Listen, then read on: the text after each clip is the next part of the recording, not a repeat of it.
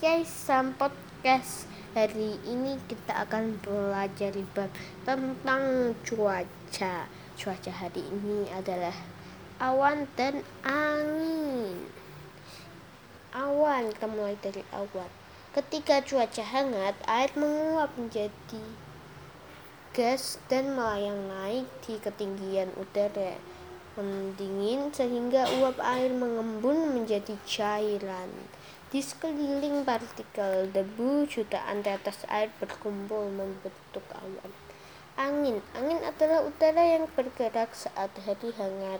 Angin membuat sejuk, namun jika dingin, angin membuat tidak nyaman.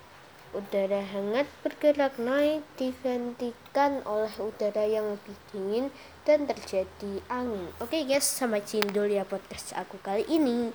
Bye.